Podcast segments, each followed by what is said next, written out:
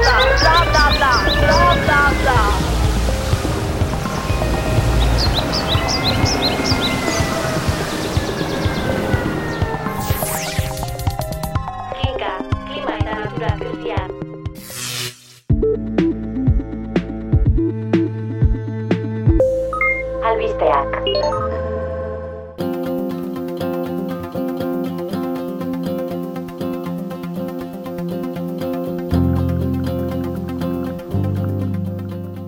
Kaixo entzule, zer moduz? Bigarren denboraldiko amaikagarren atala duzu hau? Baina lehenik, oi bezala, azken egunotako albisteak. Laborarien protesten erdian, Europako batzordeak iragarri du prest direla pestiziden erabilera euneko berrogeita marmurrizteko plana erretiratzeko. Laborariei eskua luzatu die alaber lehen sektoreko eragileekin urtarri lamaieran abiatutako negoziazioetan parte har dezaten. Eukalipto landaketa murrizten ari da Gipuzkoan. 2000 eta emeretzitik gutxitu eginda espezio horren landaketa. Baina epe berean iruko iztu eginda mozutako eukalipto volumena. Gaur egun eukaliptoek Gipuzkoako basoen azaleraren euneko bat koma hogeita bederatzi hartzen dute. Zabortegietako metano isurketa erraldoiak atzeman dituzte Asian, Argentinan eta Espainian. Ikerketa baten arabera, mila berreun isurketa masibo baino gehiago izan dira 2000 eta emberetzitik.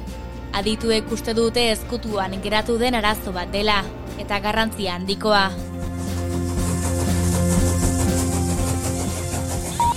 HTari alternatiba aurkezteko jardunaldiak egingo dituzte agurainen altsasun eta irurtzunen.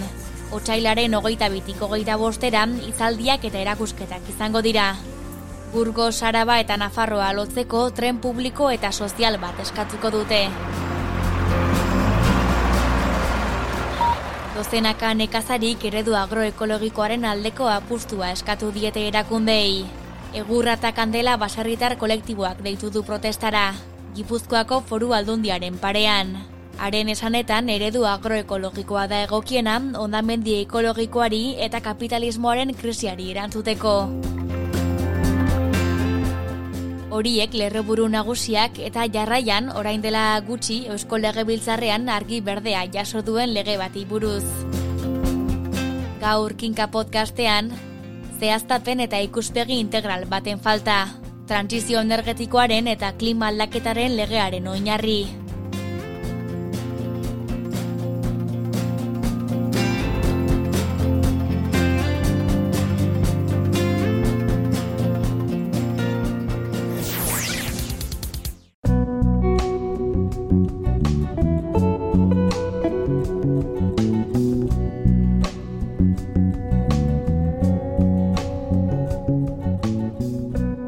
Etorri oli. Mila esker nagore badakizu, gaur ez nator eskutxik, gaur zure rol hartuta nator. Termino bat ekarri dizut nagore. A begira, eta ze termino? Ekozerga.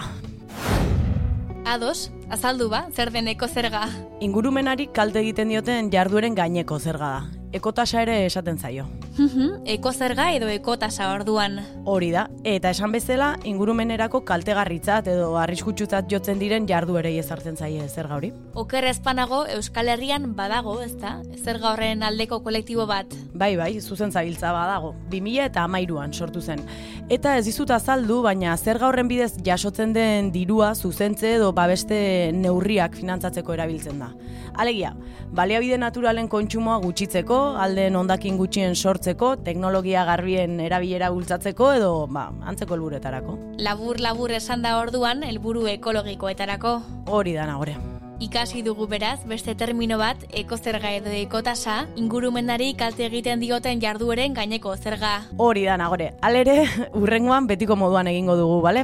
Zukitza ekarri, eta guri azaldu, eta nik hartuko ditu da punteak, txukun txukun. Osongi. Osongi.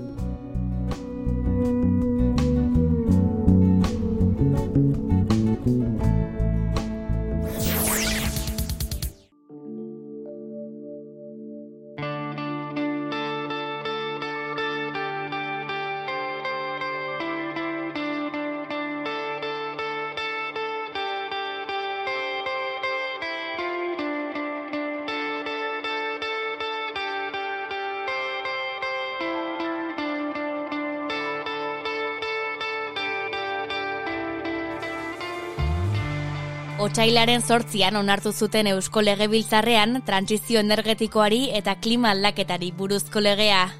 EAJaren, PSren eta EH Bilduren babesarekin onartu zuten. Aurka bozkatu zuten elkarrekin Podemos, IU, PP, Vox eta Ciudadanos alderdiek. Ezker koalizioaren zuzenketa nagusiak txertatu ondoren onartu zuten, eta mardula da oso. Irurogeita mabost artikulo biltzen ditu, ia eta laurogei horri aldetan. Neurri sorta onartzear sentipen ugariak nasi ziren eusko lege biltzarrean bertan. Ona politikariek ahots goran esandako batzuk. Ambizioa EAJko arantxa tapiaren eta PSEko Alberto Alonsoren ahotan. Guk izan behar dugu lendabizikoak adibidea martxan jartzen eta gure erakundeetan lege hau aplikatzen. Genero eta eturkezuneko belaunaldien ikuspegia du eta transizio egokia, jasangarria eta justua bultzatzen du. Hau da, ambizioz betetako legea da, baino aldi berean errealismoa bultzatu dugu. Ahora es el momento de demostrar el compromiso de cada partido con el texto que vamos a aprobar. Alderdiek hause dute garaia erakusteko bakoitzak zenbaterainoko konpromisoa duen orain onartzekoa dugun testuarekin. Asmo handiko helburuak ditugu eta beteko bat ditugu ezinbestekoa izango da alderdi politiko guztiek neurria ematea. 2000 eta hogeita margarren urtea hementxe dugu, eta orduan ikusiko da talde politiko bakoitza benetan zer den eta zer egin duen urte hauetan guztietan.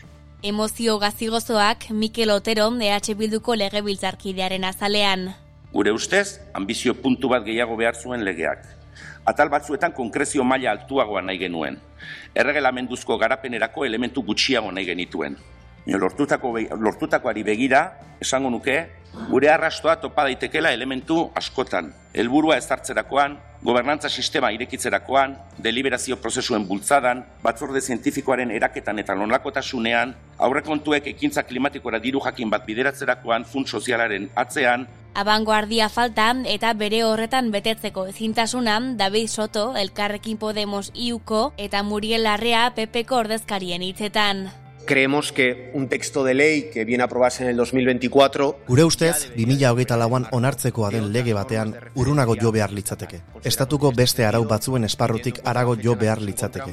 Alde horretatik, kontuan harturik 2008 lauan gaudela, pentsatzen dugu bazegoela abanguardia lana egitea. Konparatuta beste autonomia erkidego batzuetan duela iruzpala urte onartutako legeen aldean. Esta ley de cambio climático y transición energética Gizarteak ezin du bere egin klimaldaketaren eta energia trantzizioaren lege hori ezartzen dituen epeengatik. Berez, bete ezinak geratuko dira bertan jasotako helburuak. Lege hori ezingo da bete. Que no se va a poder cumplir. Legeak helburu nagusi bat du.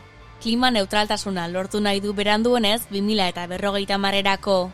Hori lortzeko jarduera plan, neurri eta bete behar askotarikoak biltzen ditu. Trantzizio energetikoaren eta klima aldaketaren inguruan marko juridiko egonkor bat ezartzeko. Honetxi berritan legearen atal nagusiak xiatu zituen berriak artikulu batean. Amabi puntutan bere izi zituen, eta atal horien ondik norakoak azaldu zituen. Edurne begiristain lankideak landu zituen, eta kinkaren saio honetara ere ekarri ditu gako nagusiak. Horrekin batera, beste ahots bat ere batu da uinetara. Euskal Herria bizirik taldeko Iker Soraluze kidearena. Azaldu du ze iritsi duen taldeak amabi puntu horien gainean. Eta kritikatu du legearen zehaztatzen eta ikuspegi integral baten falta. Berotegi gasei dagokieleena. Hala azaldu du kazetariak. Ba, bueno, helburu nagusia da 2050 margarren urterako karbono neutraltasuna lortzea, baina baita ere, bueno, tarteko helburu batzuk ere ezarri dituzte, ez? Hau da, berotegi gazei dagokienez, 2030 marrerako ba, isuriak euneko berrogeita bost murriztu nahi dituzte, e, 2000 bosteko datuaen aldean, edo beste batera esan da, e, euneko geita mairu apaldu nahi dituzte, e, 2000 beratzira untalarrogeita marreko emisioekin alderatuta. Lehen kolpean ongi ikusiarren mesfidantzaz mintzatu da sora luze mugarri horien inguruan.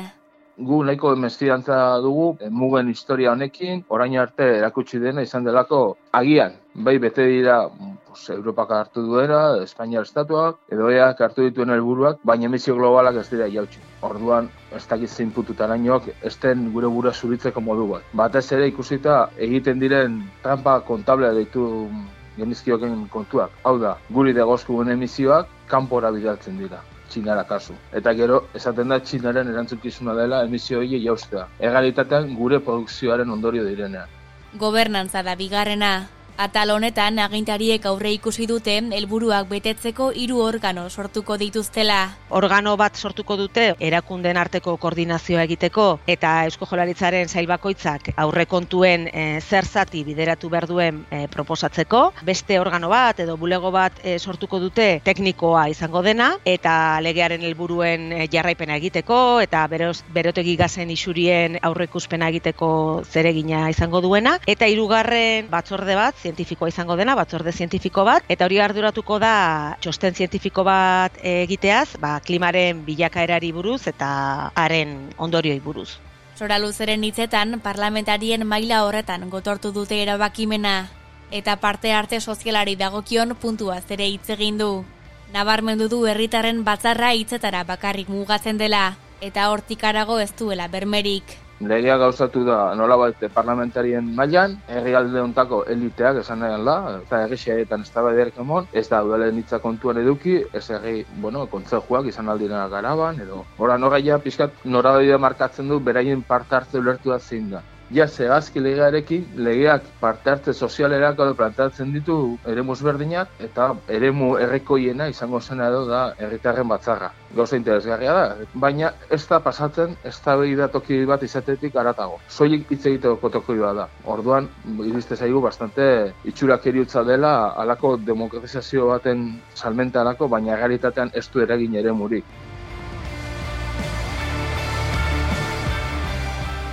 energiari dagozkion gaiak dira hauek. Energia planak, energia efizientzia, berriztagarriak, kanonak eta energia fosilen desinbertsioa energia planai eta energia efizientziari behatu dielenik edurne begiristain lankideak. Arabako Bizkaiko eta Gipuzkoako foru aldundiek eta bos mila biztalek biztale baino gehiago dituzten udalerriek egin barko dituzte klima eta energia planak. Eta noiz, ba, bueno, legea indarrean sartu eta bi urteko epean egin barko dute. Helburua da, energiaren azken kontsumoa gutxienez euneko amabi apaltzea e, 2008 margarren urterako eta euneko hogeita mazazpi 2008 margarren urterako. E, beti ere e, 2008 bateko datuekin alderatuta. Legeak transizio energetikoari buruz azaleratzen duen ideologiari erreparatu dio ekintzaileak. Ideia batzuk interesgarriak direla aitortu du, baina oinarri oinarrizko abiagune baten beharra sumatu du. Kontsumo eredu aldaketa batena badakite energia merkearen garaia amaitzen dela, da beraz baliatzen ari dira lagialdi klimatikoa energia eredu aldatzeko. Ez soilik emisio jaisteko, hori interesgarri izan daitekela, baizik eta modelu energetiko aldatzeko orain arteko gauzo berbera egiten jarretu izateko. Hau da, etengabeko askunden jarretu izateko. Legi honetan transizio energetikoa duen pisua, ez da soilik emisio gatik o klima aldaketa gatik, baizik eta lagialdi energetikoa ditu altzaiona edo kolokan esartzen duena, gaur egungo produkzio eta kontsumo eredu berez idea interesgarria da, baina gutxitzen logikatik abiatuta. Aldiz, gaur egun planteatzen dena da, efizientzian igotzea, askundeten gabeko logika. Bai, efizientzia eh, izan algara, prozesu jakinetan, bereik esaten duen bezala, aberestasun unitate bat lortzeko, baliabede gutxiago erabilita, baina etengabeko logikan horrek ekarriko du unitate gehiago sortzea. Orduan, ondorio izango da, kontsumo berdin-berdin igoko dela.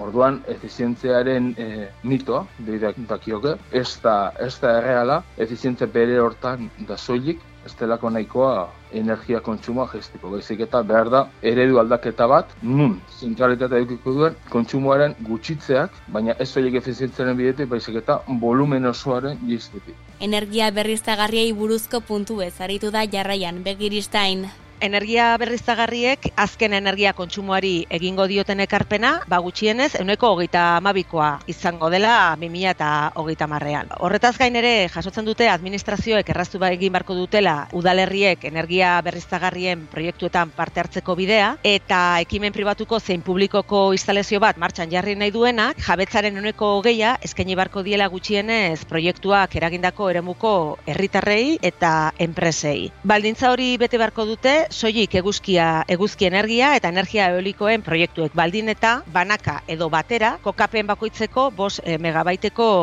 gorako potentzia baldin badute.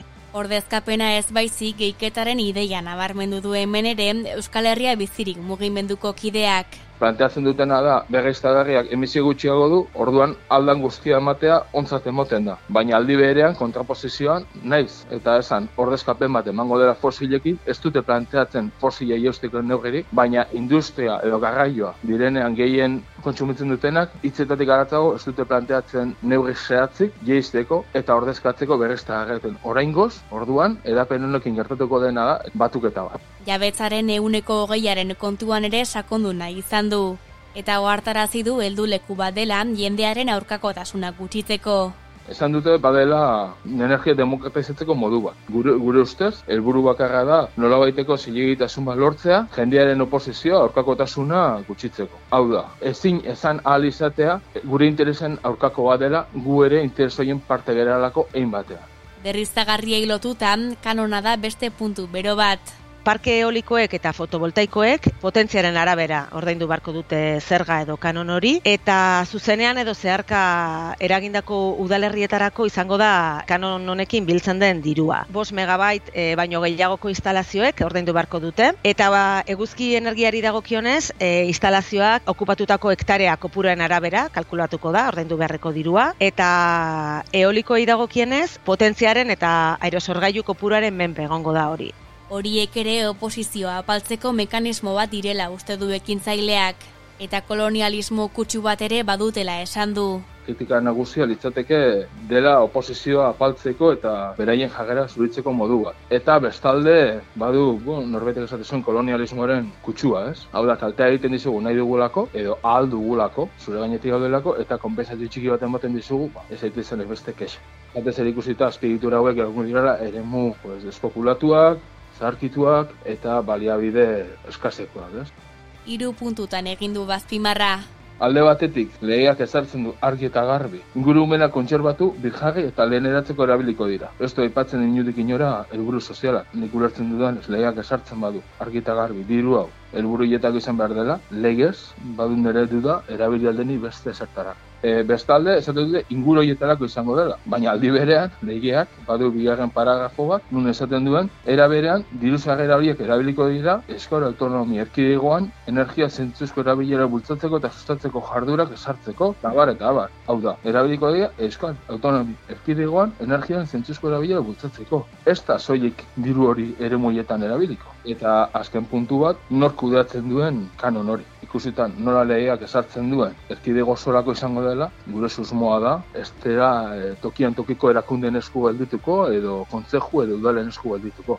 Desinbertsioari buruz diardu energiari buruzko azken puntuak. Euskal Autonomia Erkidegoko Administrazio Publikoek modu progresiboan ordezkatuko dituztela energia fosilak, jatorri berriztagarriko energiekin. Eta ondakinak kudeatzeko eta ura tratatzeko instalazioek beren karbono aztarna kalkulatu eta plan bat egin barko dutela aztarna gutxitzeko. Horretaz gain, Euskal Autonomia Erkidegoko Administrazioak ere 2008 margarren urterako bertan bera utzi barko dute hidrokarburoen esplorazioarekin, ustiapenarekin lotutako inbertsio oro, eta baita argindarra ekoizteko erregai fosiletan oinarritzen diren azpiegiturekin lotutako inbertsio guztiak ere. Hasiera batean interesgarritzat jo du gonbidatuak, baina ez da fio diru horren inguruan egingo den kudeaketaz hasiera baten oso gauza interesgarria da, ondo dago desinbertsioa emotea. Kontua da, legearen garapena ikusita, ba, pixkat, bai, epeak esartzen dituzte, ze epetan emon behar den, ez nakize, baina sortzen digu alako,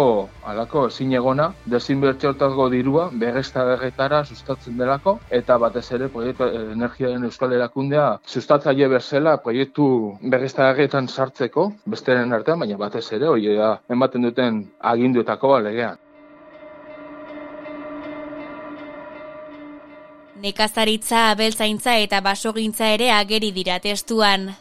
Jasotakoaren araberan, administrazioek neurriak hartuko dituzte 2000 eta hogeita marrerako nekazaritza lurren euneko geita bost ekologikoak izan daitezen. Fiskalitateari eta finantzaketari buruzkoak dira urrengo bi puntuak. Deskarbonizazioaren edo berriztegarrien aldeko neurriak hartzen dituztenei zerga obariak ezarri halko zaizkiela zehazten da fiskalitateari buruzkoan. Eta finantzaketari buruzkoan jaularitzaren aurrekontuaren euneko bikoma bost klima ekintzatarako baliatuko dela gutxienez. Baina zer dira zehazki klima ekintza horiek? E, akzio klimatiko bere hortan indefinizio bada, ez du zer esaten. Nekazaldurren babesa, sartu alda, errietako urro deiteria konpontzea eta depositoa konpontzea, erriak erresilientzien irabaz izaten, edo sartu alda, hainbeste aipatzen duten alege honetan, dala energia vektore berri baten inbertitzea milioiek eta milioiak hidrogeno berda. Eta legearen izkia ikusita eta filosofia ikusita, nik uste dut, e, bai, sakonduko duela gehiago, pues berreztearen edapenean, inbertsio handietan, produktu handietan, batez ere, gaur egun, oligopolio energetikoaren parte diren, Iberdrola, Endesa, Petronor, Repsol, hauen onuratan eta hauen proiektuetan sartzen, benetan, e, ba, energia komunitateak edo izan diren bezala. Bai, egin gogun baten, baina ez da proportzionara izango eta ez da, ez, ez du eragin errealik edebiko bere hortan. Azkenik, transizio energetikoaren ibilbide horriaz mintzatu da begiristain e, legea indarrean jarri eta gehienez ere amabosi hilabeteko epean Eusko Jaurlaritzak e, trantzizio energetikoaren eta klimaldaketaren epe luzeko ibilbide horria eta estrategia e, onetxi beharko dituela. Eta horrela jaso dute, bereien hitzak aipatuko ditut, evidentzia zientifiko eta teknologikoaren arabera onduko dutela ibilbide horri hori eta klima neutraltasuna eta bidezko trantzizioa lortzeko bidea definituko duela borondate ona igartzen dela uste du ekintzaileak, baina zalantzaz begiratzen dio amabost hilabeteko epe horri. E, bai, amabost hilabeteko epea dute, baina eraso ez da hori. Badu gobernu aldaketa bat, hauteskundeak ez dakin ez diren, baina hauteskundeak emon gobernu eratu, segituan dira opogak, hemendik irailera, ia ia, ez dut astiri. Eta hori gehituta, ibilbide horria, plan estrategikoa, e, beste sortzi elementu, bai, borondate honekoa da, baina dute urte betean egite ez dut nahi, nago urtea ba, neko egin gaitza, o, egingo da, ziurrenik, baina nola eta zertako.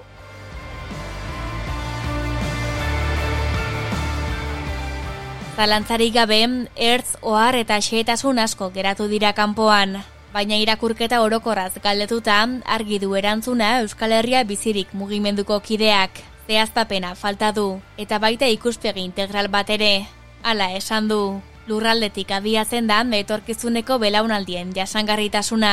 Ez da la, beste lagialdi klimatikoari aurre egitea edo klima aldaketaren lagineri, baizik eta gaur egongo eredua parametroietara egokitzea eta aldelarik eta engabeko askuntzaren logikan progetxuetaratzea horretatik. Gure ustez, lurraldetik abiatzen da etorkizuneko belaunaldien jasangarritasuna eta bertan ditugun baliabide urrietatik, gaur egun hemen baliabide zorri ditugu, eta ez soilik industriatik, eta ez soilik energia arazo batetik. Integralagoa da, orduan, hortik e, abiatzen gara gu eta gure kritika da ikuspuntu hori ez dela barne biltzen eta lehen esten dela logika agapakari bat aurrera egiteko bere hortan kontutan eduki gabe horrek etorkizun ez hain urrun batean edukiko dituen e, eraginak ondorioa.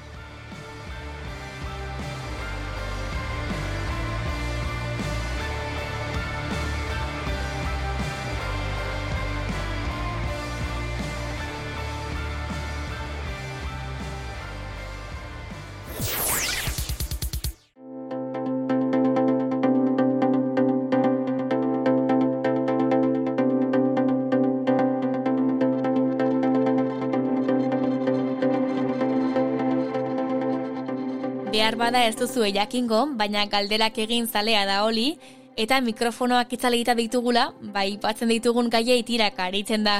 Tira, tira. tira, tira, baina egia da. Orduan gauza bat pentsatu dut, aditu bat gonbidatzea, ba, ari nahi adina galdera egiteko. Luxo handi bat.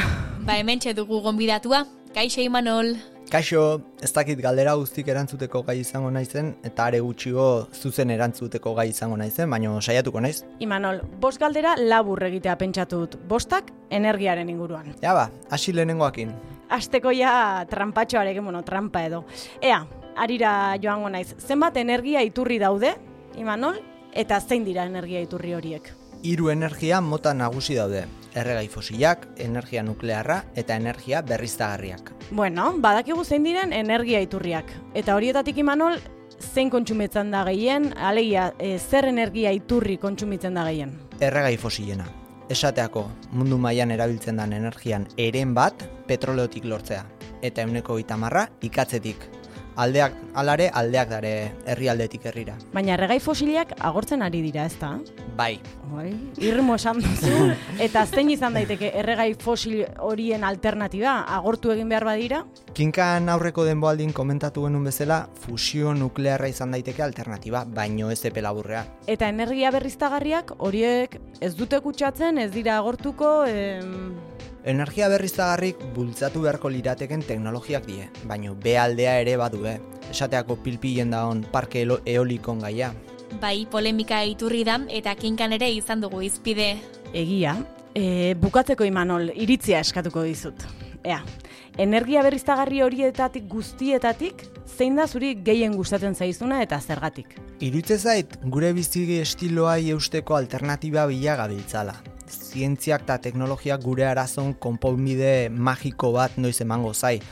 Ta agian gakoa ez da bizimoduei eusteko beste bide horren zaiotea, baizik eta energia gutxigo konsumitzea. Desazkundea alegia. Bale, eta nola egin daiteke hori? Ba, bertako produktu konsumituta, garraio publikoa erabilita, opor jasangarriak inda, funtsen bizimaia xumegoa izan da. Errepasatuko ditugu galdera guztiak bizi-bizi. Bale. Hiru energia mota nagusi daude, fosila, nuklearra eta berriztagarria, gehien kontsumitzen dena erregai fosilena da, baina agortzen ari da, eta alternatiba fusio nuklearra izan daiteke, baina ez da epe laburriko irten bidea. Berriztagarriak ere izan daitezke, bai, baina horiek ere badute bealdea. Imanolen ustez alternatibarik onena abia puntua bera aldatzea izango litzateke, hau da gure kontsumo ohiturak aldatzea. Hoi da, bai? Ze ondo Imanol, eskerrik asko. Eskerrik asko zuei.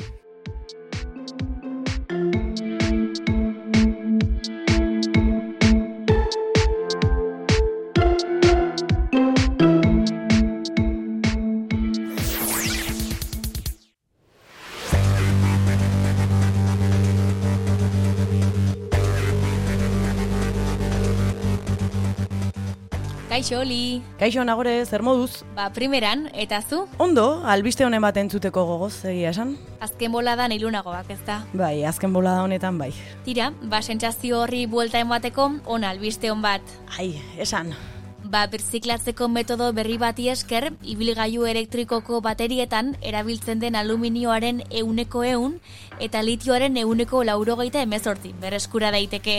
Wow, euneko eun eta euneko larogeita mezortzi, alegia, ia guztia. Bai, hori da, eta horrek beste onura badakar, materialen galera gutxitzea. Alegia, birziklapenari esker gutxitu egingo da nikela, kobaltoa, manganesoa eta horrelako lehen gaien galera. Baina beste produktu batzuk ere beharko dira birtziklapen prozesu horretan, ez da?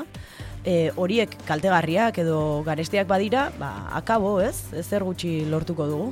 Zuk nagore, badakizu prozesu horiek e, nolakoak diren? Ba, ikertzaileek azido oksalikoa erabili dute horretarako eta landareetan den azido organiko bat omen da. Abai, e, non adibidez? Ba, aztia zerbetan adibidez eta produktu hori lortzea ez da garestia eta prozesua ere ez omen da kaltegarria beraz, primeran. Bai, bai, zer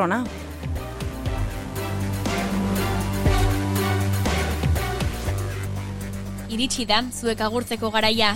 Bai, baina guzti zagurtu baino lehenago, edukien laburpena egingo dugu, bale, nagore? Bai, aztu gabe. Ea, ekozerga zer den azaldu dugu iztegian. Erreportajean trantsizio energetikorako eta klima aldaketarako legeari buruz aritu gara. Neurri sorten nondik norako ez, edo ekintzailek horien gainean egin duten irakurketaz adibidez. Eta aholkuen atalean denetariko galderei erantzun die Imanol Landa Medrano kolaboratzaileak. Ederkin eta orain bai agurtzeko kantuaren txanda. Zein kanturena gaurkoan? Ba, Rosa Palo taldearen arduratzea kantuarena. Ama bostegun barru elkartuko gara berri hemen berriaren klima eta natura krisiari buruzko kinka podcastean. Kinka, aizeak adina jakiteko. Eta gogoratu, ama bostero itzordua egin ahal izateko berria lagunak behar beharrezkoak ditugula. Beraz, gustora entzuten bagaituzue, arpidetu buletinera eta egin berria laguna. Eskerrik asko olin eta eskerrik asko uinez bestaldean, zaueten guzti hoi ere. Eskerrik asko zuri nagore.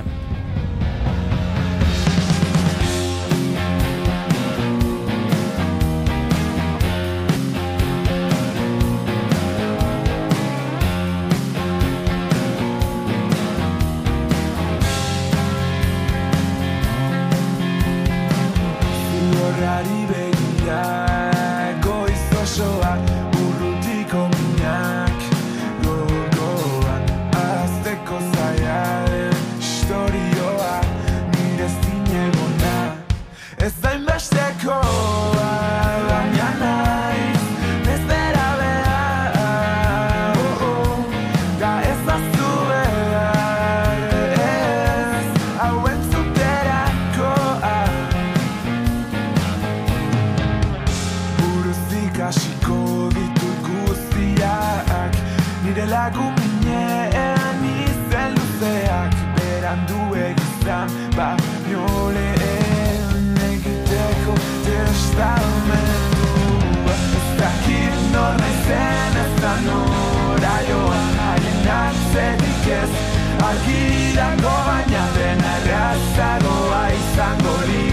Litzateke badakit